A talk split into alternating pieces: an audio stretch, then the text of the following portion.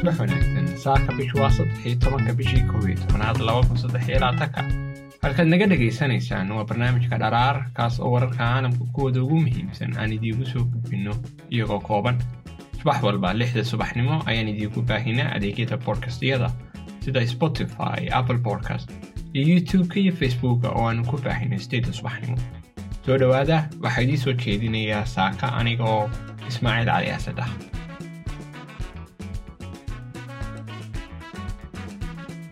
saaka wararkan idinla wadaagaynaa waa wararka khaza iyo israa'iil oo kooban. Israa'iil ayaa sii wada in ay cisbitaalada khaza bartilmaameysato iyadoo ciidamadeeda dhulka ay sidoo kale xiriiriyeen dhowr cisbitaal oo ku yaalla waqooyiga khaza dhakhtar ka mida dhakhtarada qaliinka ee cisbitaalka al-shifa ayaa u sheegay al-jasiira in shaqaalaha caafimaadka iyo bukaanadu ay bartanka u fadhiyaan xaalad dagaal ama xaalad colaadeed oo labadii dhinac dushooda isku dulleynayaan ama isku dullayn karaan wakhti walba. Ugu yaraan saddex iyo toban falastiiniyiin ah ayaa lagu dila weerar ay israa'iil ku qaaday guri ku yaalla khan yunis sida ay sheegeen saraakiisha caafimaadka ee khasa axaddi waxaa kaloo la isweydiinayaa israa'iil iyo maraykanku. Miyaanay boqura ka taagnayn mustaqbalka khasa washington ayaa ka codsatay tal abiib inay caddeeyo ama ra'iisul wasaaruhu caddeeyo benjamin netanyahu arrinta ku saabsan inaanay ka tanaasulin xakamaynta ama maamulka khaza taas oo ka soo horjeeda soo jeedinta maraykanka oo ah in maamulka falastiiniyiinta ay la wareegaan xamaas kadib maamulka khaza madaxa xisbullah xasan nasrullah ayaa sabtidii khudbadiisii labaatan iyo bilowgii dagaalka sheegay in dagaalka lubnan uu weli yahay mid firfircoon ama mid dhici kara oo hub cusub ay adeegsadeen tan iyo bilowgii dagaalka magaalooyinka waaweyn ee caalamka ay ku jiraan new york london bariis bakhdad iyo meelo kaloo fara badan ayaa weli waxaa socda mudaharaadyada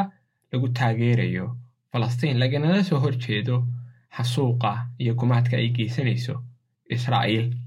in ka badan koob iyo toban kun oo shahiid ayay gaadhay tirada dad ee ay israa'iil ku dishay gudaha khasa tan iyo markii ay bilaamatay dagaalku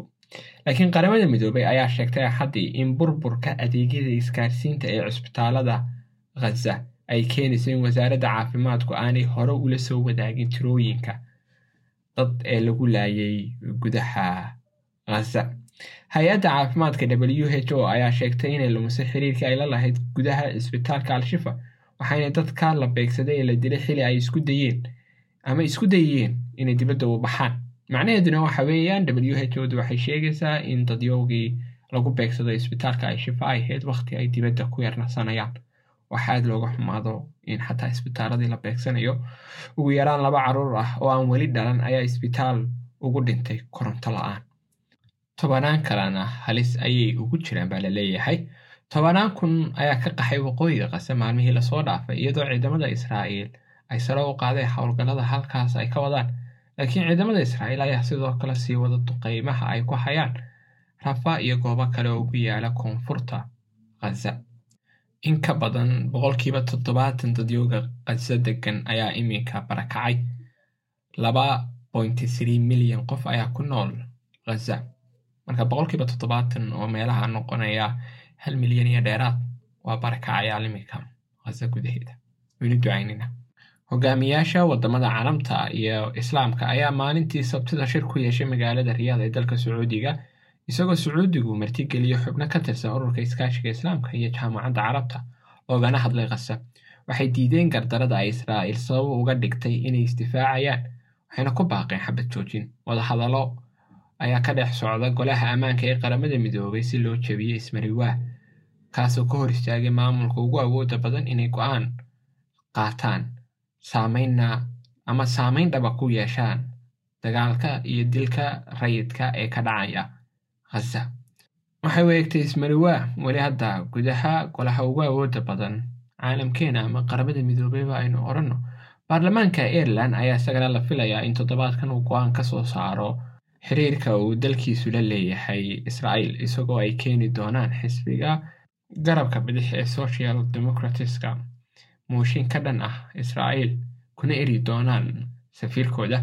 Maanta intaas ayay wararkeenu ku eeg yihiin. Waa wararkii israa'iil iyo xamaas ama khazaba aynu dhahnay oo kooban. Qaybna inala socodsiinaya xaaladda khaza gudaheedu halka ay marayaan. Maalin qurux badan ayaan dhammaantiin idii rajaynaynaa nabaday